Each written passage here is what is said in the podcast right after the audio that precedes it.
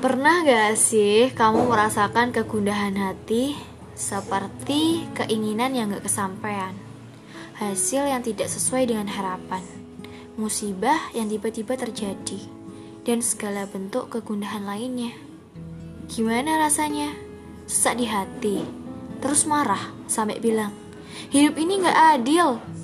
Maka itu artinya kamu harus berdamai dengan hatimu. Cara mendamaikan hati sendiri itu sederhana, yaitu cukup 4M. 4M apa tuh? 4M adalah memahami, mengerti, menerima, dan mensyukuri. Memahami bahwa segala yang terjadi itu adalah kehendak dari Allah. Mengerti bahwa segala kehendak dari Allah SWT selalu terbaik.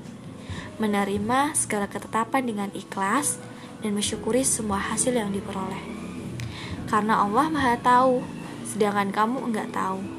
Kamu enggak akan tahu mana yang terbaik untukmu, tetapi Allah tahu mana yang terbaik untukmu dan mana yang buruk untukmu.